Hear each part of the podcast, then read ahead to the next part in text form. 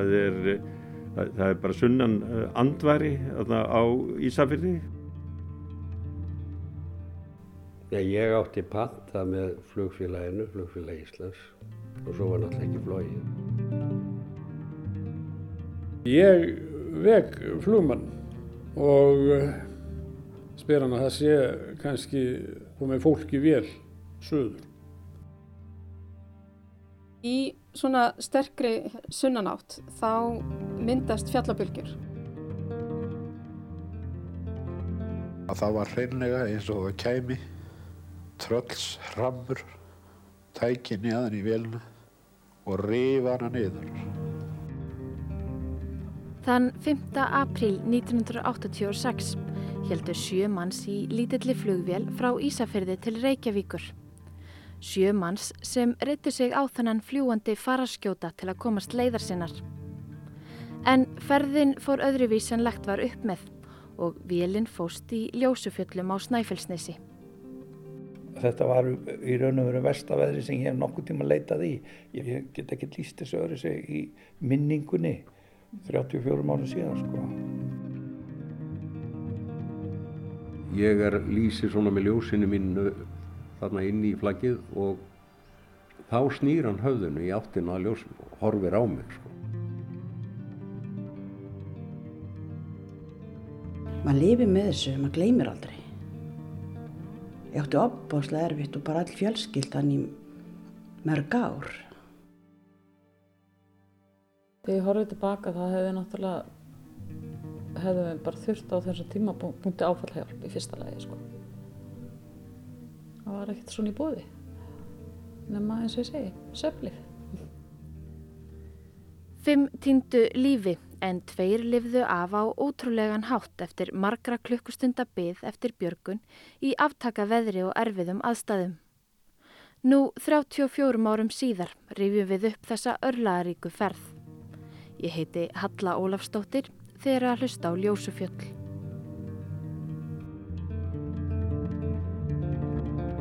Talið er að mjög slemt veður, ísing og niðurstreymi yfir ljósufjöllum hafi orsakað flugslýsið á Snæfellsnesi á laugardag.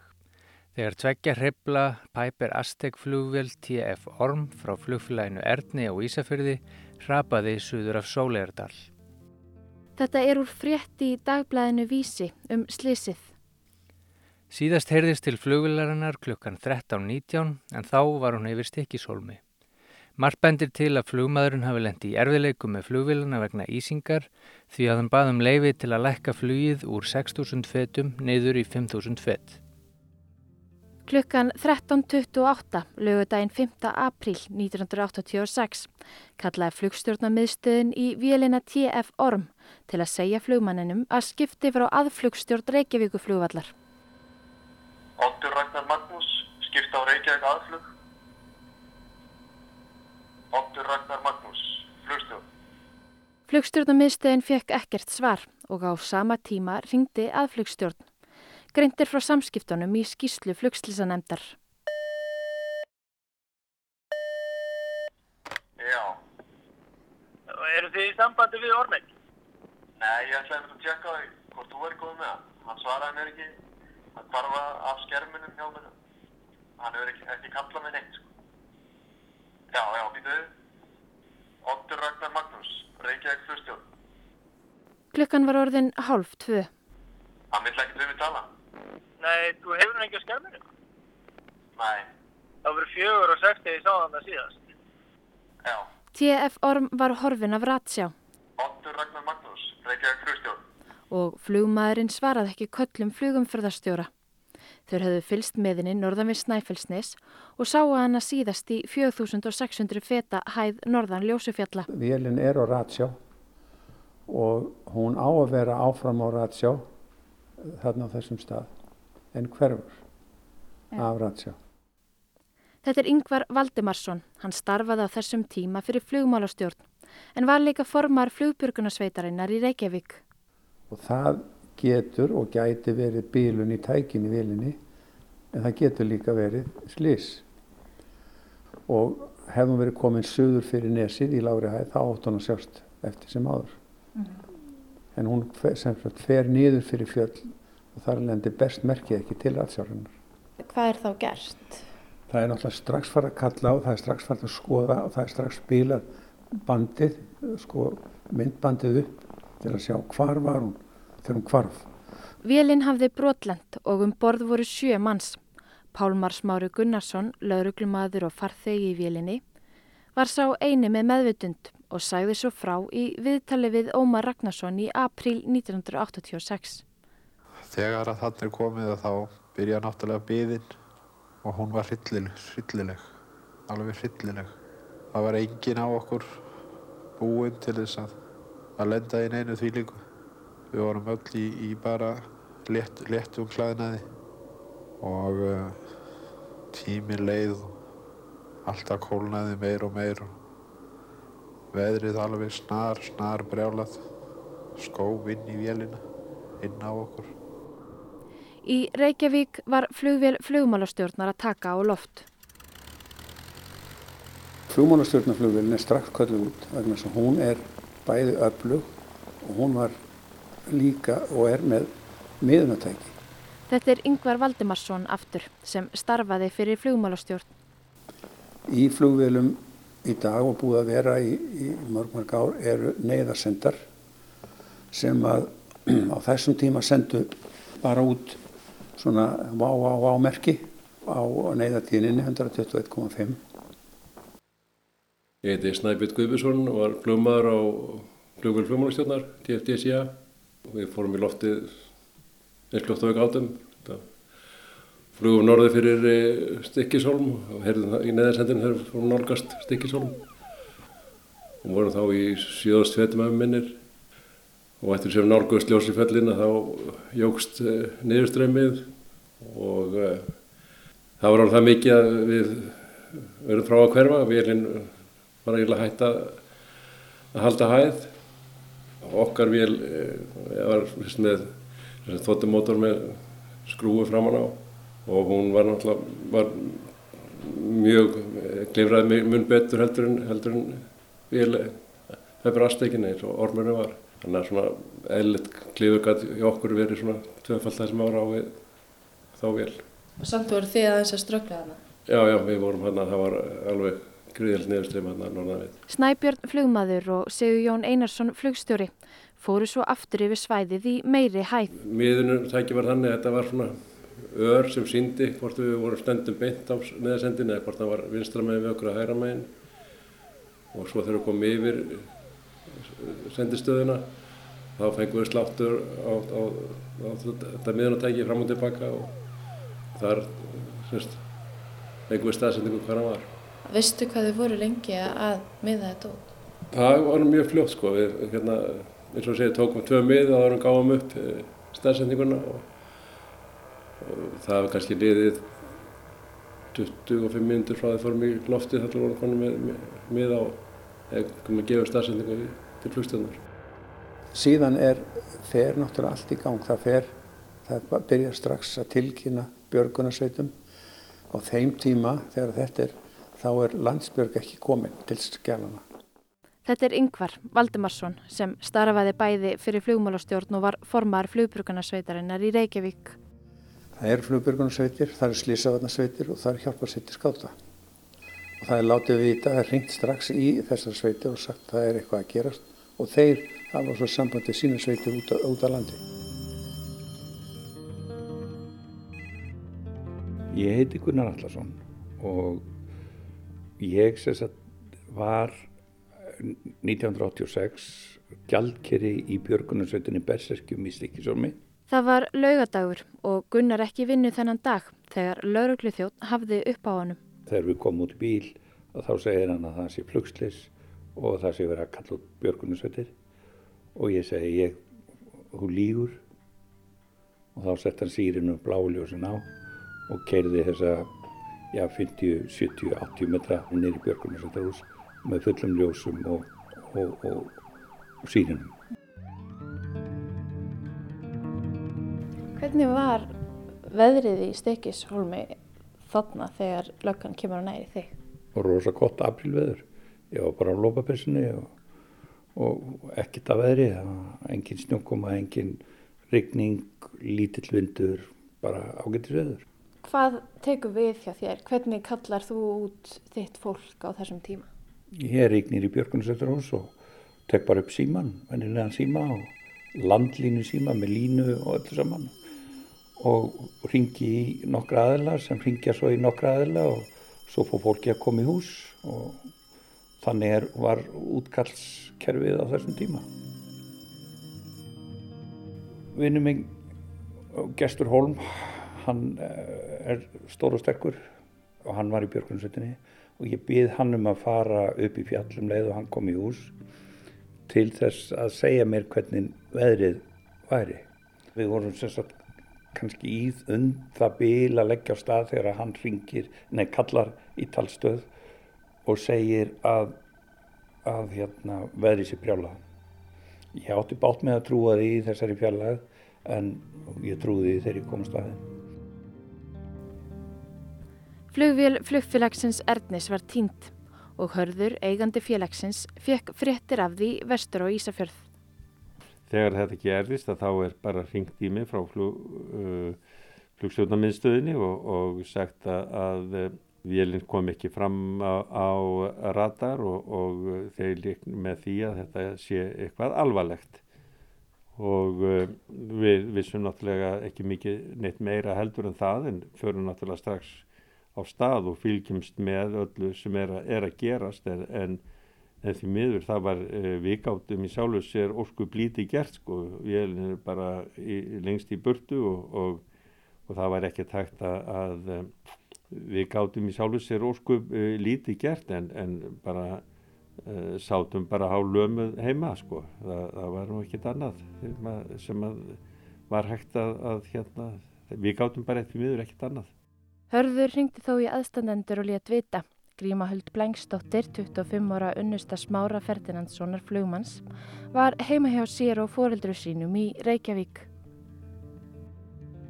Hörður ringdi í mig það er svo skvita klukktíma að hann ringir í mig og þá upplýfið svona eins og þó svo hverju sem er getur trúið því eða ekki að ég trúi því að það er allt, allt svona er sem, sem ég finn einmislega á sér að um halv svona, þetta var um halv eitt leiti halv tvö leiti þá finn ég svona eins og einhver ég var að riksa heim í fólkdri minnum og hjálpa til þar og finnst mér svona einhvers að kalla á mig líti upp og stoppa að sér að gera líti á klukkuna ok, halv tvö, svo klukktíma setna ringir hörður í mig með þessu tíðindi Það var einnig ringt í Ragnheiði Ingu dóttur Sigurðar Auðunssonar.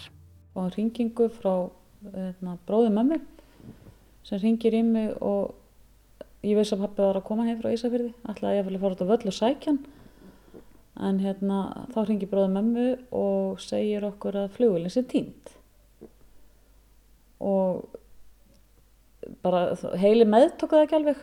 Ég veist að bara tínt, hún lítur að finnast. Mm. þú veist, þú tínir ekki einni flugvill þú veist, ég náði bara ekki sammengingun tók mér svona tíu myndur að ná að það hef, hefði örglega eitthvað skeið. Drífa Gustafsdóttir, kona Kristján Sjóns Guðmundssonar, sjómans og Bólungavík, var að koma heim úr matarbúð eins og á oskup vennilegum laugardegi. Ég er svona takk upp á bókonu þegar það ringir símir og þá er það tengt að að, að láta vita að Kristján hefði farið söður.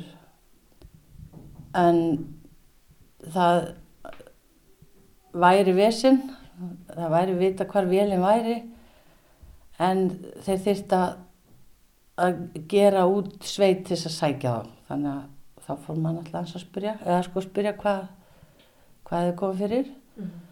en uh, frétti voru alltaf mjög óljósar en aðalatrið var það sem hann laði áherslu á það var að vita hvar vélinn var staðsendingatæki fór neyðarsendirinn það fór í gang þannig að þeir vissu það en aðalatrið var að það var erfitt að komast út af veðri. Mm -hmm. Og þetta var ekkert langt síntal en hann afgriði þetta alveg rosalega flott. Þetta var svona mjög bara hnitmiðað, skýrt og, og bara hann sagði ég er í sambandi við hörð og lætt vita bara um leið og ég veit eitthvað. Flugvilinn TF Orm hafiði farist í ljósufjöllum á Snæfellsnesi með sjömannsum borð. Þeirra á meðal var Kristján Jón Guðmundsson. Manstu eitthvað eftir byðinni eða verunni í vélinni? Nei, ekki sem að, nei, ég, ég man ekki eftir neinu, hann er búin, búin að heyra eitthvað sem að aðrir hafa sagt og menn svona en ég man ekki eftir neinu. Ég held að það sé nú bara einhvern veginn svo leiðis að heilin klippir bara á svona. Það er sé klift út það sem maður hefur ekkert að gera með. Mm -hmm. Maður lítur að vera kengur uglaður líka svona eftir svona höfu höggu svona, ég held að maður hefur ekkert að gera með þetta. Best bara að sjá svona hvernig maður svo reyðir af fyrir rest. Félagar í Berserkjum í Stikkishólmi og fleiri sveitir á Snæfellsnesi voru lagðar af stað sem og björgunarsveitir viðsvegar að. Guðlögu Þórðarsson var í heimsókn hjá félaga sínum úr flugbjörgunarsveitinni í Reykjavík þegar þeir fengu útkall. Við förum síðan nýri í flugbjörgunarsveit og þegar við komum þangað þá höfum við upplýsingar af það að það sé, hafi, sé flugvill tínd á Snæfellsnesi og kemur síðan fljótlega í ljós að þessi, þessi flugvél hefur brotlend í, í ljósufjöllum og þá erum við sendir á stað með snjóbilinn þangað og keirum beintvestur í Áltafjörð. Framundan var þó margra klukkustunda akstur fyrir björgunarsveitir af höfuborgarsvæðinu. Það þurfti til dæmis að aka fyrir kvalfjörð. En sveitir af Snæfellsnesi voru lagðar af stað. Þar með talinn Gunnar Allarsson á samt félögum sínum úr Berserkjum í Stikkishólmi. Hvaða upplýsingar höfðu þið á þessum tímapunkti? Flugvél, neyðarkall frá flugvél, tvo, cirka 2 km austan við gullkistu. Vissuru strax hvaða leið þið þyrta að fara til að ná þangað upp yfir? Nei, og þegar ég keiri inn alltaf fyrir þá er engin á staðnum og ég keiri fram hjá þeim stað sem var líklega besti uppgangustæðurinn sem síðar komi ljósa var farin gangandi upp. En við förum inn á Kárastæði alla leið til þess að leita okkur upplýsinga hvernig er best að komast upp fjallið á sem auðveldastan hátt, helst á bíl og fengun leiði til þess að fara upp fjallið eða upp veg sem lág frá Kárastöðum. Þegar þú kemur þangað þá ertu cirka 4-5 km austan við gullkistu. En þá væru við komin upp með óþreytt fólk til þess að lappa á svæðinu. -hmm. En þið farið inn að Kárastöðum. Hvernig fer það? Það gerist að bílinn bilar, það bilar lítið stykki sem kostiði síðan 90 krónur en það var stykki sem gerði það verkum að okkar skiptum gýr á bílum. Það var únumók með 14 manns, þess að 14 farþegum. Og hvert sæti var skipa, ef ég mann rétt. Og þarna stóð bílinn á Kárastöðum og við gáttum ekki hreift bílinn. Og við hýndum í bílarsýma lög, í lögguna sem kom og náði í allan hópin og við kerðum neyri eða sem sagt út frá Kárastöðum og inn að innst, inni vestan megin í fyrðinum þar sem var síðan lappaði upp sko. En veðrið, sagt, veðrið var brjálað. Það það kom úr öllum áttum vindurinn, það var regning það var, hafði verið frost í jörðu lengi þannig að það eru stegst út á ekki að klaka að þá sökstu, að þá sökk fótruðin og drullan náði alveg upp fyrir ristina mm. þegar þú stegst niður þannig að það gerði það verkum og kannski ekki verið á mannbrótum vegna þess að þú bara var bara miklu erfið að lappa þannig og var síðan að díla við klaka stykkin snjó, gamlu snjóskaplana sem voru orðin að klaka sem voru rennandi vatni yfir og hefðu varst í hallendi að þá þurftur stundum að skrýða yfir þessa uh, klaka bunga sem voru 10-15 metra langir af því að þú vissir ekki hvort að vindurinn kom fyrir aftaði framann á því hliðina, hvora hliðina þegar að næsta vindkvæða kemi mm. Það var bara hreint útsagt brjála við ja. og færið var mjög vond þegar maður fann það þegar maður stegi út úr bílunum. Þá, og út fyrir veg að þá sökstu bara niður og mm -hmm. þurftir að beita aflið til þess að ná fætinum upp aftur. Þetta er eins og að vera í drullu eins og ég hvað getum við ímyndað okkur, hvað þekki fólk, ég meina drulluboltan á Ísafyrði, að það er erfitt og lappa þrjá fjóra kílometra í svoleiðisfærð er mjög erfitt. Mm. Fólk getur ímyndað sér það. Og upp í móti? Já, allt upp í móti. Mm. Aug Björgunarsveita var þyrla landhelgiskeslunar TF-SIF kölluð út.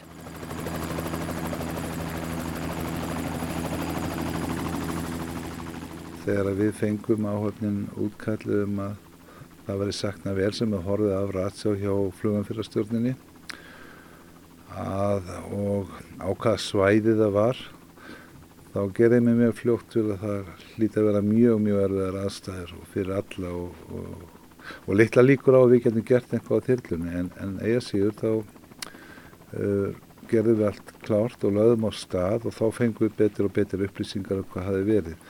Ég heiti Benóni Ástundsson og ég er fyrir fjórum árum síðan hættur sem flugstjóri á þyrlum hjá landfylgiskesslunni. Reyndar var ég búin að starfa þar í 50 ár, þar af 38 ár í fluginu og aðalega var ég á þyrlum. Á leiðinu þá, þá náttúrulega upplifið við það hvað var slemt veður þótt að við á þyrlunum verðum ekki alveg eins mikið varið við veður eins og á flugulum á sambarlega stærð þá föndum við alveg fyrir því og við gerðum okkur alveg grein fyrir því þar sem þetta var sunnanátt og voru einhver gömur vinstig, svona 9-10 vinstig þá vissum við að það er erfitt til okkur að komast yfir fjallgarinn en það sem ég mann eftir þá reyndum við nú að komast yfir fjallgarðin því að það voru alla líkur á að slísið hefði gest uh, norðan við fjallgarðin og þegar við reyndum að klífra þessu upp í skíin þá fengum við það mikla ísing á okkur strax að, að við sáum strax að við menga möguleika að komast yfir fjallgarðin. Þyrlan er mjög viðkvæm fyrir ísingu, þyrlublöðun og já, svona einföldu máli og hugsaði til dæmis uh, flugvelavæng hvar frá Reykjavík upp aðgræns, þá var það bara 10 mínútur eða 10 mílur en þyrlublaði fer að 370 snúninga þannig að það er miklu meiri vegalengdi sem hún er inn í ísingunni og þar leðandi þá minkar afkast að geta þyrlunar mjög mikið og getur alveg farað út í það að, að, að menn geta mist stjórnaðan eða ef menn ger ekki einhverja ástafanir. En við reyndum sem sagt að fara upp og þá var ekki til neitt afvísingabúnar á þyrlu, það var bara ekki komið. Svo að við verðum bara aðhraklast niður aftur úr skíjónum og uh, við sáum það strax að við þyrtum að fara út fyrir sem kallað var til þess að komast inn í breiðferðin fyrir uh, Snæfellsnes.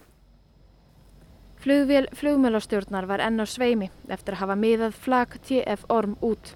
Hér er Snæbjörn Guðbjörnsson flugmaður. Þá var ákveð að fara í, Reykjavíkur og ná í svona endurvarpa sem að það sem gáttum endur, endurvarpa eða hann sést endurvarpar þeirri tíni sem að björgunsveitnar er á. Þannig að þeir gáttu verið í betra sambandi við sína stjórnþöðar. Þannig að þið eru í rauninni eh, að tryggja það að fólk begja vegna fjallana geti notað sín fjarskiptatæki? Já, þetta er bara eins og, er bara eins og já, speil hérna yfir fjallanum sem speklar merkinu niður. Mm -hmm. Norðan fjallgarsins voru Gunnar Allarsson og félagar hans úr Besserkjum að nálgast leitarsvæðið. Þegar við komum upp og þá var bara verulega dreyið af okkur þegar við komum upp á svæðið og við erum hérna að væplast í líðinni fyrir neðan gullkistu og fyrir neðan skýrtunubotnu á flötinu þar fyrir, eða flöt, þetta er svona ská hlýð, líklega svona kílometris löng, eitthvað hlaus eða breið og við löpuðum hana tvísar fram og tilbaka mm -hmm. og hérna og sáum ekki neitt en, en vorum þarna á svæðinu Var eitthvað skegni? Inn á milli þá sástu alveg einhverja halvan kílometr allt í góðu sko. Mm. og þetta var bara ryggning skiluru en vindurinn var örglega geti ímynda mér bara já þú getur ímyndað þegar þú stendur í halla og klaka og það eru 15 metrar á sekundu og vindkviðu 25 metrar. Þetta var bara ömulegt og og þú leist upp og að þú sko, vindurinn kom með regninguna það var lárétt regning Svo þurftur að leggja sniður á klakkana þegar hún varst að detta og þá rann bara vatnið gegnum gallana hjá þér og niður hálsmálið eða og þetta var bara mjög erfiðar aðstæður. Þegar að leið á daginn að þá urðu allar lækjasbrænur sem ennilega voru bara, þú stýgur yfir þær, urðu þar stórfljótum og ég hef stundu sagt það eftir á að þetta var í raun og veru vestaveðri sem ég hef nokkuð tíma leitað í. Þetta var bara mjög vond. Ég get ekki líst þessu öðru sig í minningunni 34 mánu síðan sko. Klukkustundina liðu og fleiri björgunarsveitir fór að týnast á vettvang. Sumar þeirra með snjóbíla og tæki til að miða út neyðarsendi flugvilarinnar sem berserkir á Snæfellsnesi áttu til að mynda ekki. Hér er Gunnar aftur. Við, það sem við höfðum kannski fram yfir aðrar sem voru að koma á svæðið var dagspyrtan.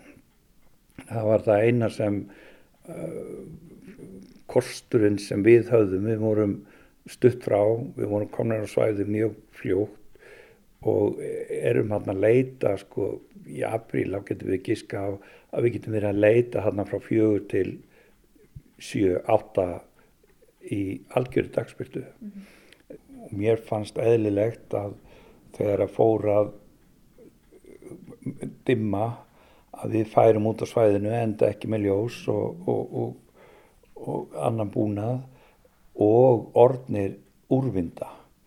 Þannig að við vorum úrvinda þegar við komum upp og við leituðum hann að löpum að minnstakosti tvísarsunum fram og tilbaka á sléttunni á mismunandi staði í svo kallari breiðleit en hvað getur maður gert með þrjá fjóra aðila að við löpum lið við lið og einhverjir 50-100 metrar á millokkar og það er svo sem og við fundum ekki neitt og á einhverjum tíanbundi verður bara að segja sko þú verður að krafta til þess að komast niður og, og það verður einhver aðra að taka við.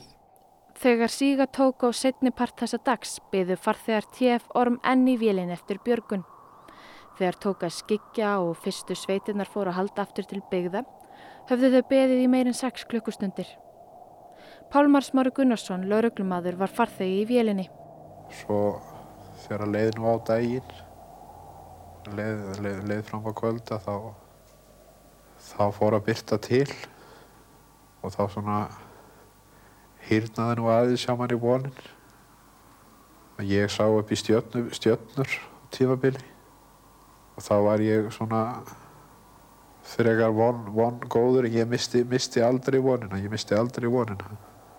En eh, mér var mikið, mikið, mikið hugsað til ættingjara sem að byggði heima milli vonar og óta og, og vissi náttúrulega ekki neitt. En ég náttúrulega trúði heldur ekki öðrun að það væri ekki farnir á stað að leita á flokkar og það fyrir lunga að, að, að leita. Nú það fyrir að dimma og það fyrir að vestna veðrið aftur. Þá fóð nú vonin að dabrast. Þá fór að kólna svo óbóðslega þá hlóðst ísingin utan á, utan á alla vélina, hún hlóðst utan á glukkana þannig að maður sá ekki neitt. Það var farið að rökkva og enn hafði björgunarsveita fólk ekki komist að flugvilaflakinu. Á meðan byðu ástvinnir fregna, milli vonur og óta. Ragnhauður Inga er dóttir Sigurðar Auðunssonar, hagraðingaráðunauts sem var á leið heim úr vinnuferð. Fjölskylda hans var saman komin í Mósfellsbæ. Byðum var bara hræðileg sko maður vissi ekki neitt og einhvern veginn það talaði engi við okkur á þessu tímapunkti og við bara byðum í vona og ofan við vissum eiginlega ekkert hvað var að ske. Drífa Gustafsdóttir er kona Kristjáns Jóns sjómanns úr Bólungavík og það er náttúrulega bara vissi engin neitt sko. Maður bara reyna að halda símanum opnum og þá náttúrulega engir gemsar og og kannski svolítið óþægilegt að maður vissi eiginlega ekki hvert maður gætt hring til þess að fá upplýsingar. Drífa fekk svo leifi til að ringja í flugturnin í Reykjavík en upplýsingarnar voru enn af skornum skamti. Vikingur Kristjánsson, sonur Kristjáns frá Ármóla, var 14 ára og ásand fjölskyldu sinni beigð hann fregna flugvilinni á heimili frenda sín sín nýfstall.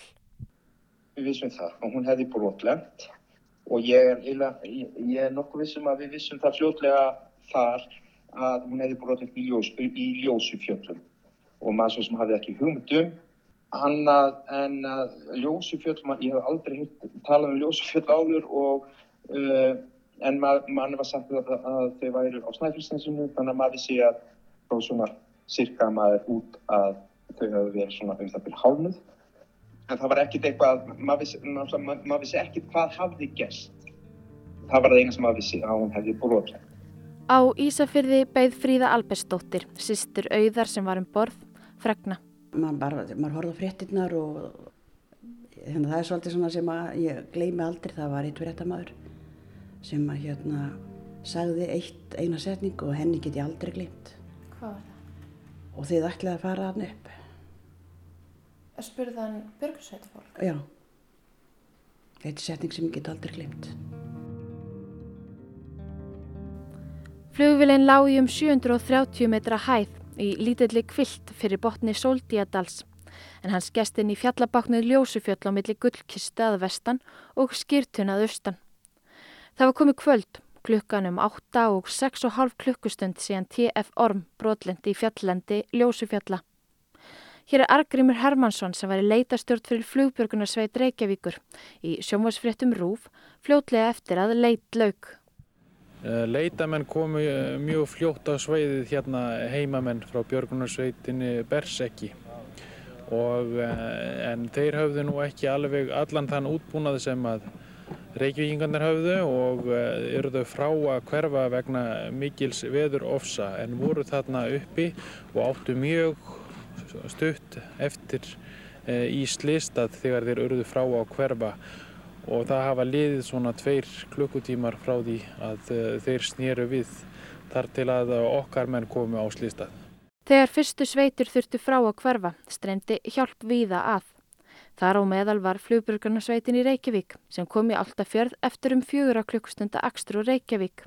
Með í för var Guðlaugur Þórðarsson. Þegar við komum í Altafjörð þá er veðrið það vond að við áttum bara í erfilegu með að að ná snjóbílun niður af vörubílun sem við fluttum að ná í Altafjörð.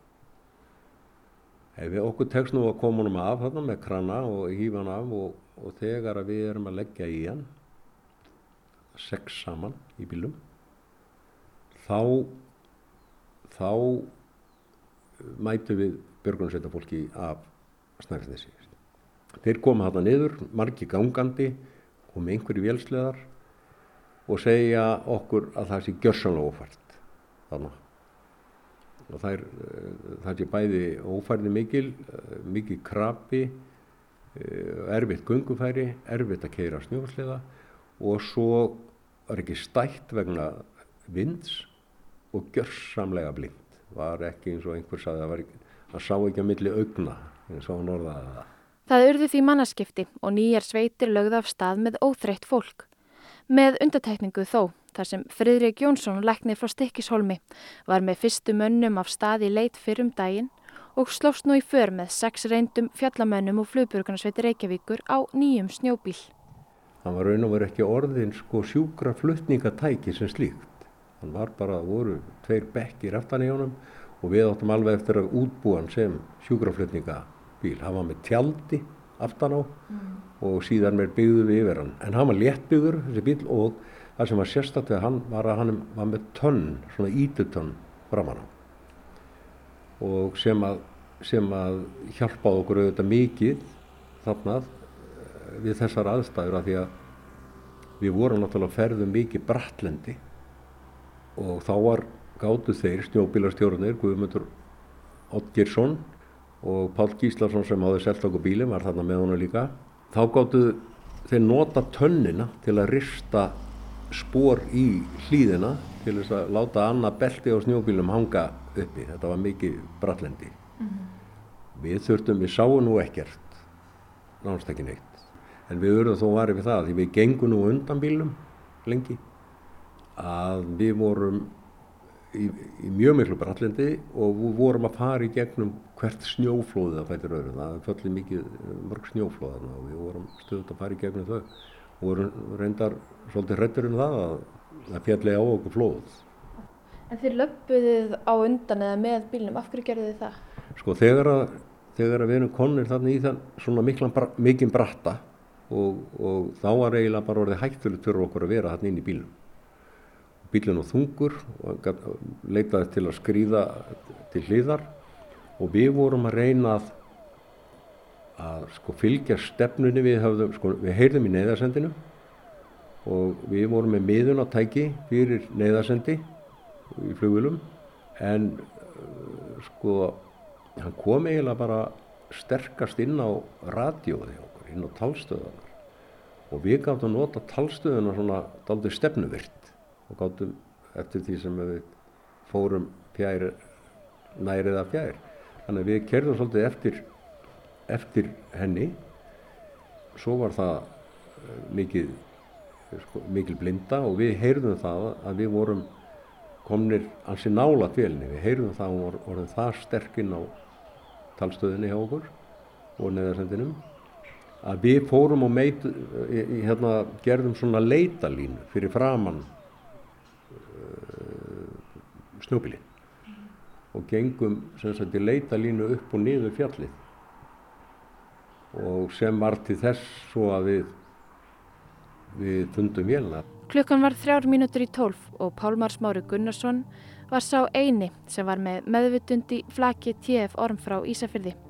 Eftir tíu og halvrar klukkustunda byð eftir björgun.